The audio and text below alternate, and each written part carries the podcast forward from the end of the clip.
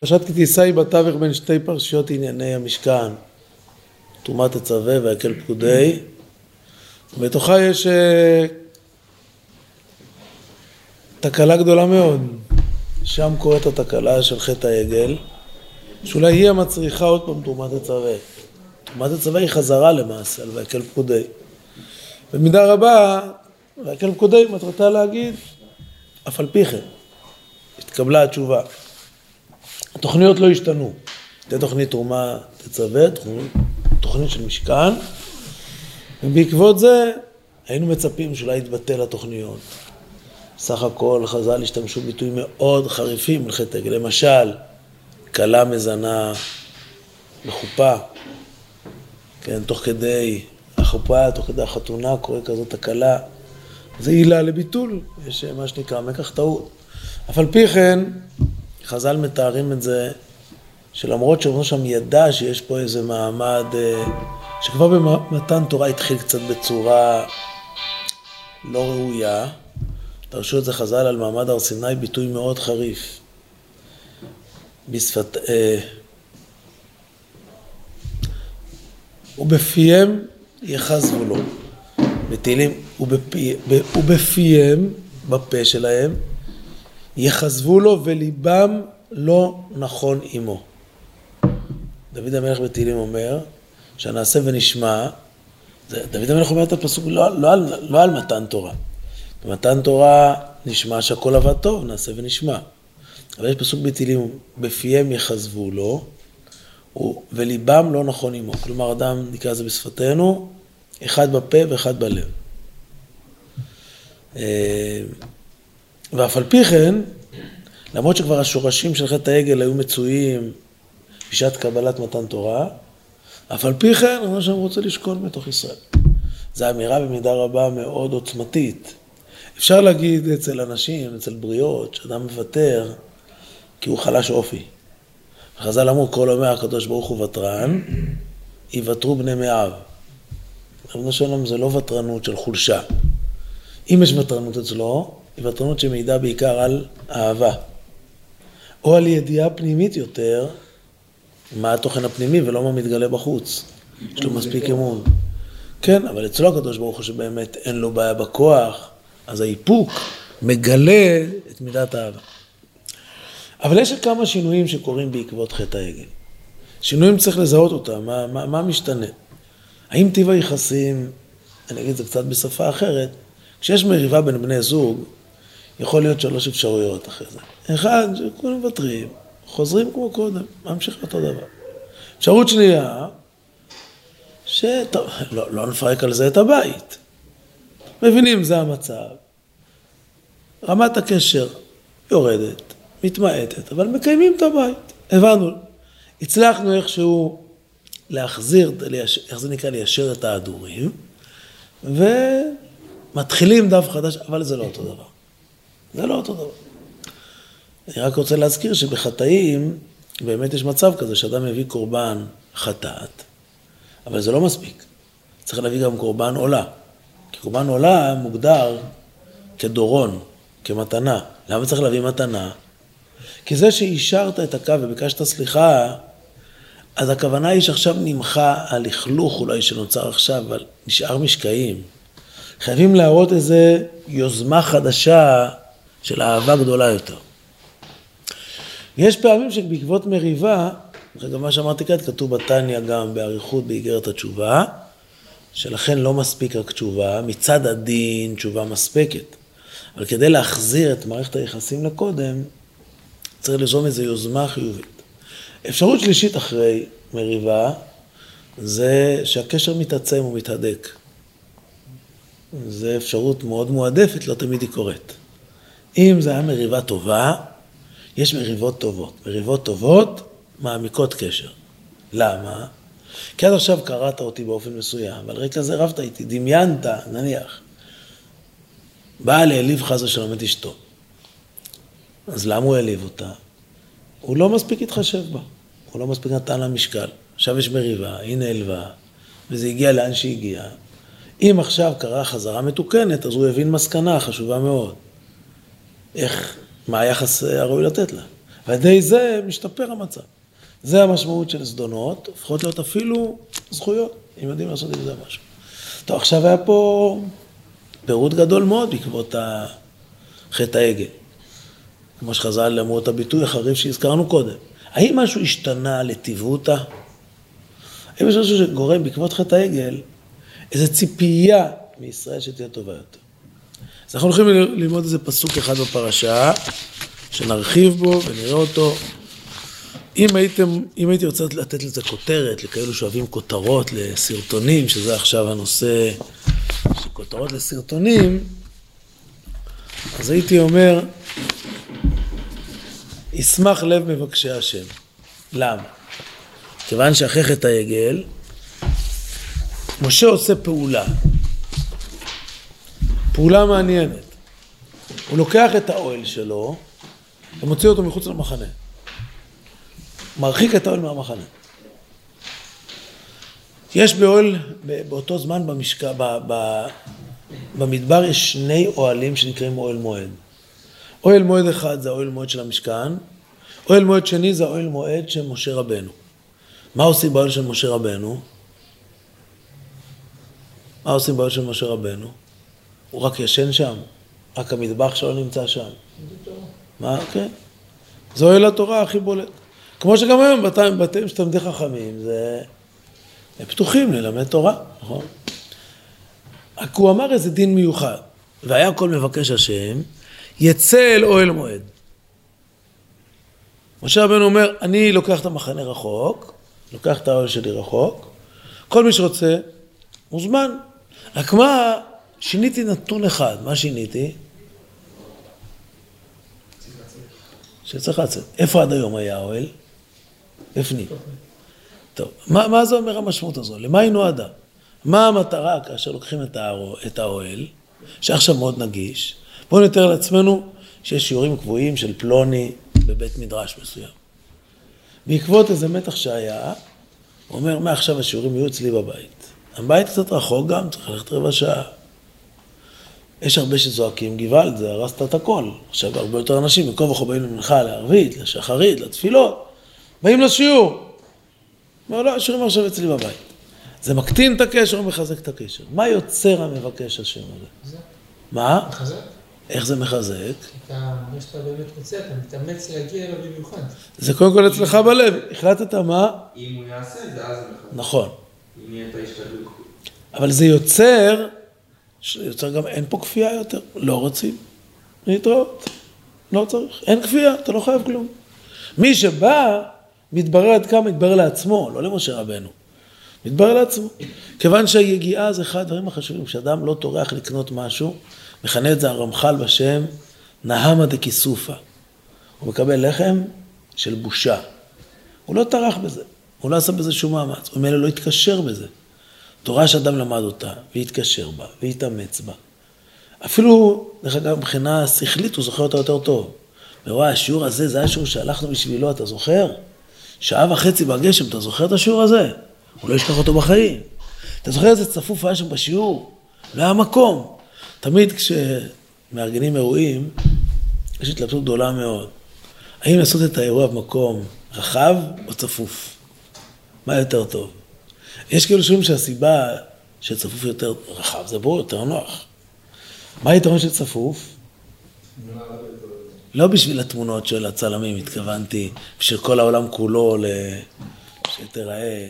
במקום וכה כבר הצלמים מצאו פתרון, אם אתם מכירים, גם טי שיש בו ארבע אנשים, הם עושים אותו בעגול, ואז נראה כאילו יש שם 800 איש. זה כבר הם מצאו פתרונות. נדבר על פי עולם האמת, לא על פי עלמא דשיקרא. מה, מה נותן כשיש צפוף? קודם כל יותר ביתי, איך זה קוראים לזה במרוקאית? אימיש. יותר משפחתי. חם יותר, נעים יותר, צפוף יותר. אבל זה יוצר עוד משהו, הצפיפות יוצרת איזה קצת מעמד שלך. אתה לא שוכח את זה, אתה מרגיש שאתה רוצה בזה. זה לא שאתה יושב פה, יש אחד שיושב בשיעור שהוא אולם גדול, ויושב מאחורה, הוא לא, הוא מסתתר גם, אתה מבין אותו שהוא יושב, הוא נעמד ככה מרחוק, עם הגמרא, לפעמים הוא שומע, אם יש איזה סיפור מעניין הוא שומע, מה הסיפור הזה לגמרא. הוא לא מצליח ללמוד אותו, אבל מדי פעם הוא זורק את הראש. מה שקורה זה שלא נוצר לו שום קשר עם השיעור. אבל אדם שמצטופף, אני זוכר אצל רבי שמואל אוירבך, זכרונו לברכה, השיעור שלו, הוא היה לו ישיבה, בישיבת מעלות התורה, הייתה בנויה כמו הישיבות של פעם. והשיעורים שלו היו מתקיימים, זה, זה, הוא היה ראש ישיבה כמו של פעם, והישיבה התנהלה כמו של פעם. היה, למדו בבית המדרש של בית כנסת הגר"א, לא היה בית מדרש לישיבה של הגר"א, לא ידעו מתי יש שיעור שלו, לא כמו בעולם המסודר אצלנו. מתי שיעור? כשרב שמואל יודע שיש שיעור. הוא יכול ארבעה ימים בלי שיעור, לישון על הספסל, לחשוב על העניינים שבוע.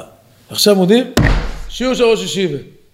עכשיו רצים, כולם תופסים סטנדרים, הוא נעמד קדימה, כולם רוצים סטנדר, להידבק, לשמוע. לא דאגו, לא רמקול ולא... מה זה יוצר בחוויה? מאמץ. מה יוצר מאמץ? אכפתיות, זיכרון, התקשרות, לפום צערה, אגרא. אדם זוכר את זה. אגרא דקאלה, אומרת הגמרא במסכת ברכות, על מה? דוחקה. דחוק. ועל ידי זה כל אחד זוכר. אמרנו איך הצפופים. זו חוויה פנימית, כמה זה היה קר לנו העניין.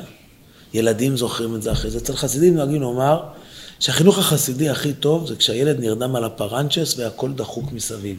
לא התכוונתי כשזה סכנה, כי לצערנו זה הגיע לסכנות.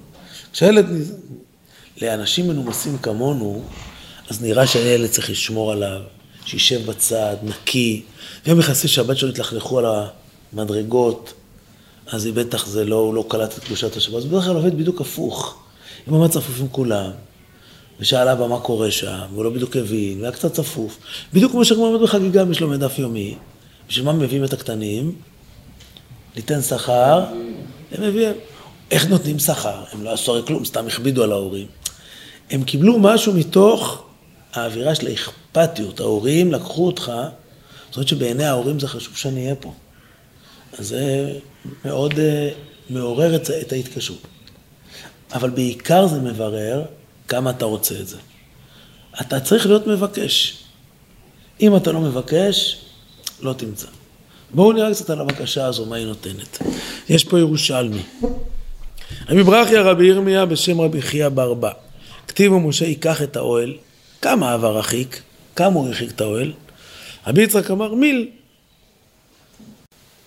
זה לא הרבה, בסדר? כקילומטר. והכל מבקש משה, אין כתיב כאן, אלא, והכל מבקש השם, מכאן שכל המקבל פני רבו, כאילו מקבל פני שכינה. בפסוק כתוב והכל מבקש השם, אבל הלכו לחפש את משה רבנו. אבל לא הלכו לחפש משה רבנו רק בשביל משה רבנו, הבינו שמשה רבנו מייצג פה את השכינה במיטבה. אבל זה לא רק את השכינה, יש פה עוד ביטוי נפלא בשיר השירים רבה. יש אה, ביטוי במדרשי רבה, שלפי השמד, שלפי השמד הכוונה היא שלהי השמד. סוף תקופת השמד של מלכות רומי הרשעה, ארץ ישראל חרבה, תלמידי חכמים נהרגו. השרידים, שאתם עוד רגע תכירו אותם, נפגשים, קבעו איזה כינוס, כל הגבאים שלהם קבעו כינוס, איזה כינוס סודי, הם הצפינו את זה לפני שהשתילו להם בפלאפונים כל מיני תוכנות האזנה וריגול, והם צריכים לתאם מקום שהרומאים לא ידעו עליו. התכנסו רבותינו לאושה, ואלו הם. תגידו מאיפה אתם מכירים אותם, רבי יהודה ורבי נחמיה, רבי מאיר ורבי יוסף ושמעון בר יוחאי, רבי אליעזר בן רבי יוסי הגלילי ורבי אליעזר בן יעקב. מכירים את החבורה הזו? מי? תלמידים של רבי עקיבא שנשארו אחרי, אחרי, אחרי השמד. שלחו את זקני הגליל, אמרו כל מי שהוא למד יבוא וילמד. כל מי שאינו למד יבוא וילמוד. הם עושים כינוס גדול מאוד. כינוס כנראה לשיקום עולם התורה. זה מה שרבי עקיבא ציווה עליהם. רבי עקיבא אמר להם, אל תהיו כמו התלמידים הקודמים שמתו, צאו ומלאו את ארץ ישראל תורה. צריך לשקם את הכל, הכל חרב, אין מגידי שיעורים, אין רמים, אין רבנים, אין מחנכים. אז הם פונים לציבור הרחב ואומרים לזקנים, אם יש מישהו שהוא למד עד היום ויודע, רק למד, יבוא וילמד. תפסיקו להתפנק, איך אמר רבי מלובביץ' בדור הקודם, אדם ידע א', ב', ג', ד', ה', ו', רק כשהוא ידע את כל האותיות, מותר לו להתחיל ללמד א'. בדור הזה אתה יודע א', צא תלמד א'. יודע ב', צא תלמד ב'. יש לאנשים המון תחושה למה הם לא מעזים ללמד. הוא אומר, אני לא יודע מספיק. אבל בעולם אה, יש רעב, יש חוסר נוראי. צא תלמד. אתה נמצא בבית כנסת, שואלים מי יכול לדבר ממך לערבית? תעלה, תקום, תלמד. תהיה קצת אה, ספרדי, ש"סניק, קח ילקוט יוסף, תלמד, מכירים את הבחור? שור א', לומד בישיבות של כל חניכי תלמידי הרב עובדיה זצ"ל. אומרים, מי שיכול לדבר ממך לערבית, תמיד הוא עולה בלי בעיה, פותח ילקוט יוסף, ומדבר כמו דרשן מדורי דורות. למה? יש צורך גדול מאוד. אז באותו זמן היה צורך נוראי, הכל חרב. אז מי שרק למד כבר, יבוא וילמד. כל מי שאינו למד, לא למד, יבוא וילמוד. יבוא, הם התחילו להקים מערכות שיעורים של הפצת תורה מחדש. נתכנסו ולמדו ועשו כל צוקן. כיוון שהגיע זמנם להיפטר, עשו שם כינוס גדול מאוד, כמה ימים כנראה, או כמה זמן, עד שהעמידו שם את מערכת התורה. כיוון שהגיע הזמן להיפטר, כל אחד הלך לביתו מאותם תנאים. אמרו, מקום שנתקבלנו בתוכנו, מניחים אותו ריקם. בואו נעשה פה בכינוס, נעביר סדרת שיעורים עם אמירות חשובות, שזה יהיה המתנה שלנו למקום שיחסן אותנו, לאושה. כל אחד מהם אמר שם משפט אחר. אי אפשר לעסוק בכל הדברים שהוזכרו פה, אז אני מדלג כמה שורות עד שורה למעלה מהמקום המודגש. והיה כל מבקש השם, אין כתיב כאן, אלא מבקש השם. מכאן למדנו שכל מי שמקבל פני חברים, כאילו מקבל פני שכינה. זה ביטוי ממנו, כי קודם היה כתוב כל מי שמקבל פני רבו. יש שני דרכים שאתה מקבל תורה. אחד זה מישהו שמעביר אליו, ושני מחבורה. זה מקום של השראת שכינה. ומה שהם רצו להגיד, אם אתם אושה רוצים לשמר את התורה אחרי שהיא חרבה, מה תעשו? תיצרו חבורות לימוד. תיצרו מעגל של חברים שלומדים יחד. זו התמיכה הכי חשובה. האמת היא, כל אחד מבין, זה ממש פשוט, לא? לפי האופי של החברה שלך, ככה אתה מתנהג, זה ברור. שאלתי פעם ידיד, חסיד גור, אמרתי לו, תגיד לי, איך אשתך מסכימה שכל ערב תצא ללמוד בשטיבל? יש תקנה בגור, כל חסיד לומד בה. אמר לי, מה זאת איך היא מסכימה? היא דוחפת אותי לזה. כך היא ראתה שאבא שלה עושה. כך כל האחים שלה עושים. כך כל הגיסים שלה עושים. אם אני לא עושה, אומרת לי, אתה לא... למה אתה שונה מכל החבורה שלנו? כשיש חבורה לומדת, אז באופן טבעי אתה לומד. כשיש חבורה שמשחקת כדורסל כל יום שישי כהכנה לשבס, אז מה אתה עושה? משחק כדורסל. אם משחקת כדורגל מוצאי שבת, אתה משחק איתם. ילד בליל חמישי, ליל שישי, לאכול צ'ונט, אז אתה נהיה סיר צ'ונט. למעשה אתה חלק מחברים. אם החברים האלו ישבו ויאכלו משהו טעים, ואצלי זה ידברו דברי תורה, אז אתה תהיה חלק מהחבורה. לכן זה כל כך קריטי לאדם לקבל בני שכינה דווקא מתוך המעגל שהוא נמצא בו. לעיתים אדם בוחר מקום מגורים. שאל, פעם בא אליי איזה יהודי, סיפר לי שהוא הולך לחפש עכשיו, והוא בחר מקום מגורים, הולכים לגור שם. אז הוא מתאר לי את הכל, אני מקשיב, אני אומר לו, אני רוצה לשאול אותך שתי שאלות. הוא התייעץ איתי קצת. טוב, המקום ההוא, המציאות שבו תעודד אותך לתורה ולתפילה ומעשים טובים, או שתעודד אותך רק לבית יפה. מה היא תעודד? החברה שם באזור, מה היא תעודד? הבית כנסת שאתה הולך להתפלל בו בשנים הקרובות, הוא מקום של תורה ודיבוק חברים סביב עניינים חשובים, או שהוא מקום שיהיה תחרות כלכלית למי יש מכונית שלישית בחנייה, ובשבת באים לבית כנסת. מה, מה הולך להיות שם בשבילך? את השאלה הזאת תציב לך מול העיניים, ואז תחליט. אלא אם כן זה לא יקר לך. רק אל, ת, אל תבחר מקום לפי כמות החדרים, ואחרי זה תצטער למה אין שם תורה. אתה בחרת חדרים, קיבלת חדרים. בחרת חבורה טובה, חברה טובה, דרכה קיבלת פני שכינה. זו שאלה מאוד משמעותית לחיי אדם.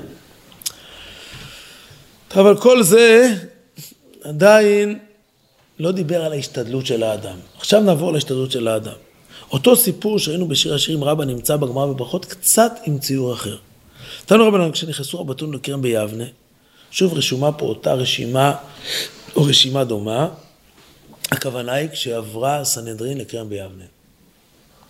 אתם בטח יודעים שהייתה, סנהדרין גלתה לאושה ומאושה ליבנה, שני הבתי ספר הדתיים שהיו בעיר רמת גן, לאחד קראו אושה, ברחוב אלימלך, שאני למדתי בו, רחוב אושה, בבית ספר אושה, שני בית ספר יבנה, נמצא לא רחוק, אה, כן, לא, שם. שם. יבנה בגלגל, בדיוק. שני הבתי ספר הישנים של... אה, יש גם היום בית ספר, שאני פשוט מעורב. כן, הוא מעורב, הוא עבר ל... הוא עבר, כן, הוא עבר... כן, הוא עבר בכלל כמה תהליכים, היה שם בהתחלה איזה בית ספר ללמידת לימודי ערב. היה ליד הפנימייה של הבנות, מי שמכיר שם, היה שם אה, מעון לבנות. כן, כן. כיתה... זה, שם זה היה ילדותי, כן, שם שחקתי בחצר ושם קניתי תורה, ממורות בעיקר, מורות טובות, באמת, אה. כן. אז אני זוכר את זה היטב, הרבנית דבורה אושפיזה, אם מי שמכיר את השם, הייתה המורה שלנו.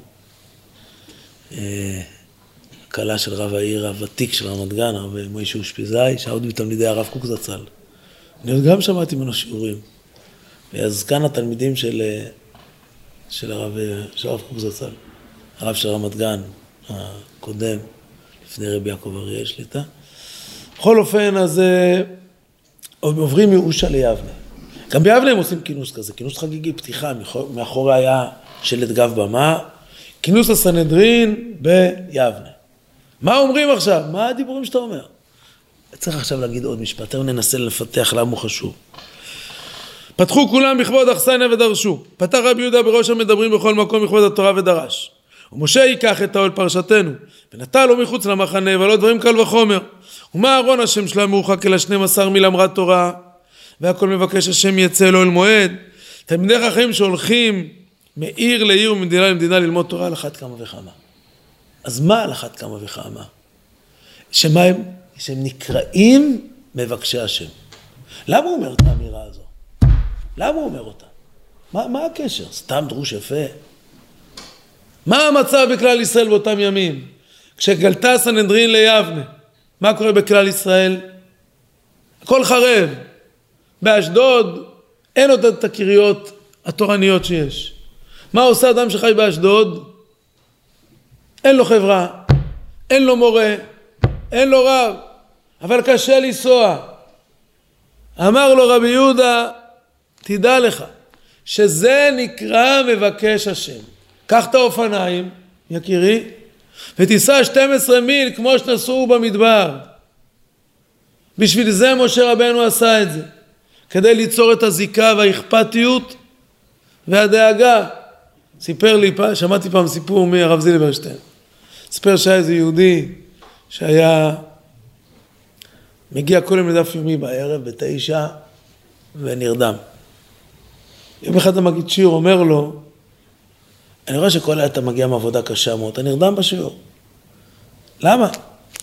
לך הביתה, תישן מוקדם, נורמלי.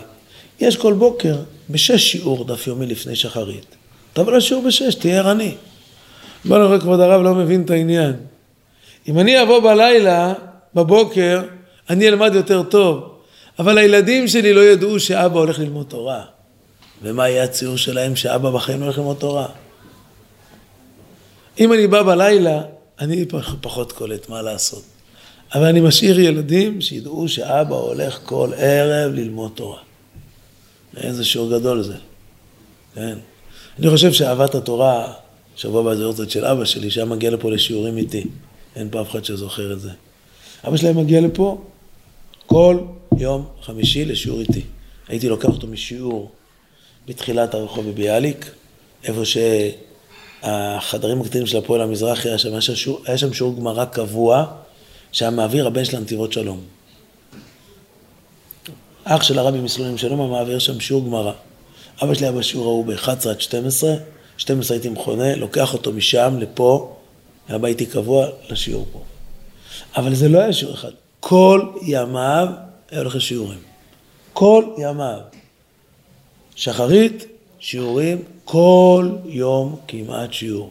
חוק בל יעבור. נדמה לי שחלק מהרצון שלי ללמוד זה היה ממנו. אתה רואה כל הזמן את האבא הולך ללמוד תורה? הוא משתדל, הוא מתאמץ, הוא מבקש. הוא לא מקבל הפה. נעמה דקיסופה. הוא משתדל. יש בעיית הבעיות של הדור הזה, שיש לך את כל התורה כולה בכף יד אחת.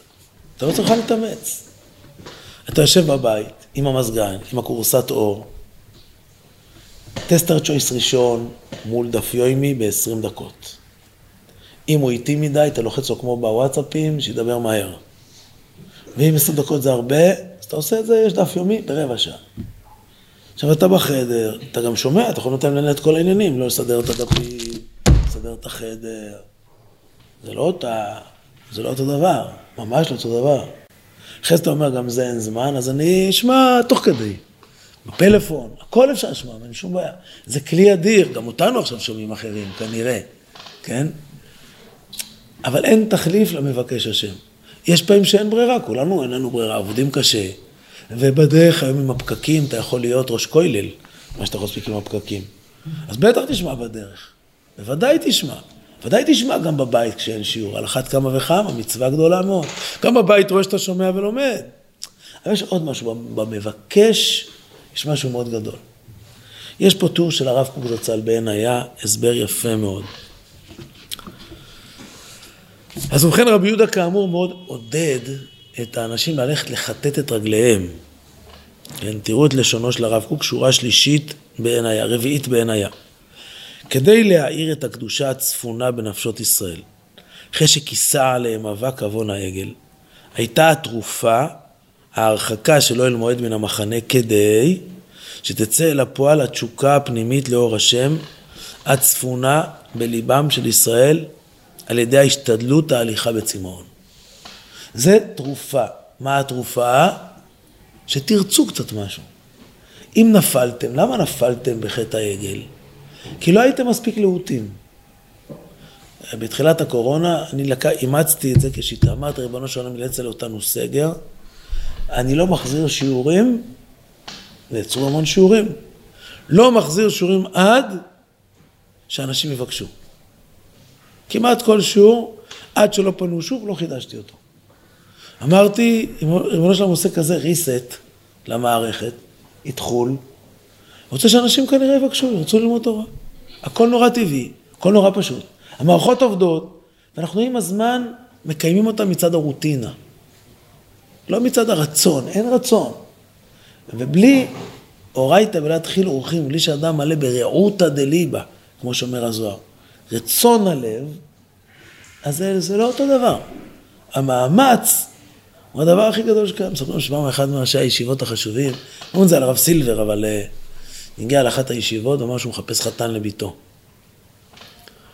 אמר לראש ישיבה, אז ראש ישיבה אמר לו, בסדר, מצוין, איך אתה רוצה לבחור על חתן? הוא אמר, אני אגיד שהוא כלולי פה, עם קושייה טובה, חתן שנץ תירוץ על הקושייה, הוא יהיה החתן הבת שלי. זה היה שיעור מלא ריתחה, כולם רצו מאוד את הבת שלו. לא יודע אם רצו את הבת שלו או שרצו אותו כשוור. זה תמיד uh, בעולם ההוא, אני לא יודע מה האדם רצה. Uh, אבל בכל אופן, כל מה שניסו לתרץ, הכל הוא פרח, כולם יצאו בפחי נפש. זהו, מסתובב, הולך. כעבור uh, כמה מאות מטרים, הוא רואה מישהו רץ אחריו. איזה בחור מהישיבה רץ אחריו, הוא אומר, הרב, הרב, חכה שנייה. אומר לו, מסתכל, אומר לו, לך יש תירוץ? הוא אומר לו, לא, אין לי תירוץ. אז הוא אומר, אז בשביל מה אתה רץ אחריי? הוא אומר, כי השארת ישיבה שלמה בלי תירוץ, אני רוצה לדעת בעצמי מה אתה רוצה, בשביל התירוץ אני רוצה לדעת אותו. אמר לו, אתה תהיה החתן שלי. חיפשתי חתן שאכפת לו מהקושייה. כל החתנים האחרים, הקושייה לא עניינה אותם, מה עניין אותם? קלה. דרך אגב, זה יכול להיות ככה גם בלי קושייה. שמה שמעניין בישיבה למה לומדים, היה איזה סרטון מאוד מביך על אחת הישיבות, תלמידים שלו בטרמפ על אחת הישיבות, והוא מסביר לנהג שאצלם בישיבה יש הגדרה לחתן, זה חתן של 400 אלף, זה חתן של 500 אלף, לא דפי גמרא, לא משניות, חתן ששווה 400 אלף, חתן ששווה 500 אלף. זה היה מאוד לא נעים לראות. כי הרבה פעמים דיברו עם הבחורים. מה עומד לאדם מול העיניים בחשיבות הלימוד? איזה חותן הוא יקבל? זה לא, אין פה בקשה פנימית. מה היה עוזר אדם בקשה פנימית? אדוני, אתה פטור. האוהל לא פה. אתה רוצה? תבוא. זה זיקוק מול החטא של העגל, מה שנשאר לאדם איזה הרחקה מהבורא יתברך. הספיק כאילו זהב, עגל זהב במקום הבורא יתברך.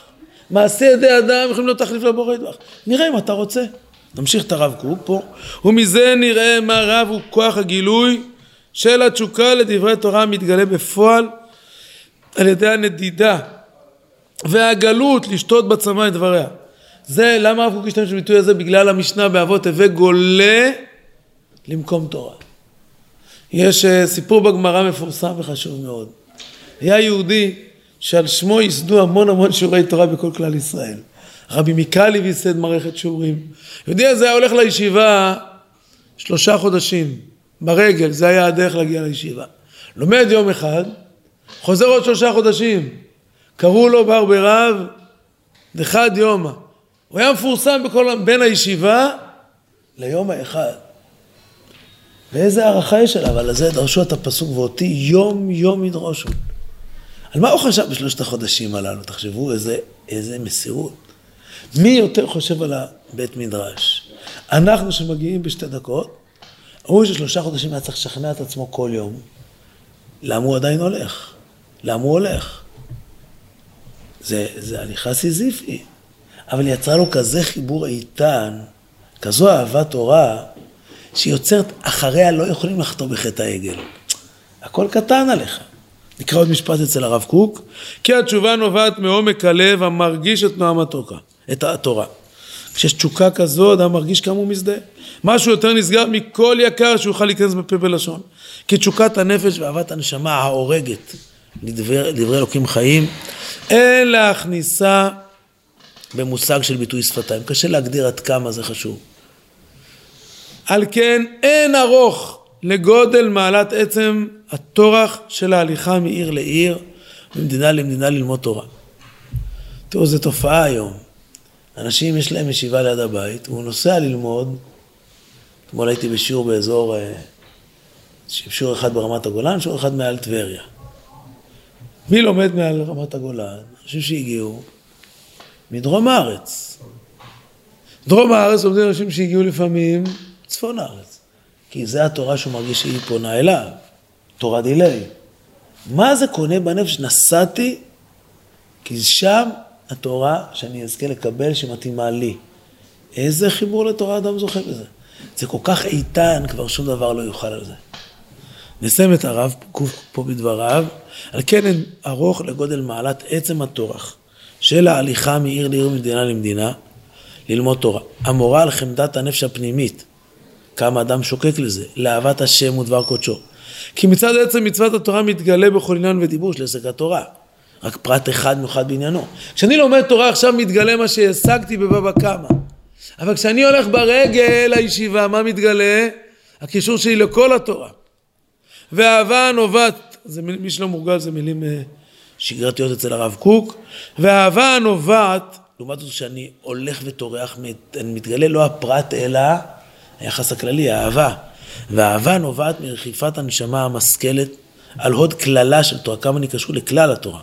ואור חמדתה מצד אלוקיותה וכללותה, שהיא אור עולם באוצר חיים. אנחנו נעצור פה, שנזכה להיות מאלו שנאמר עליהם מבקשי השם, כי מישהו כזה, יהיה לו הרבה שמחת לב, ישמח לב מבקשי השם.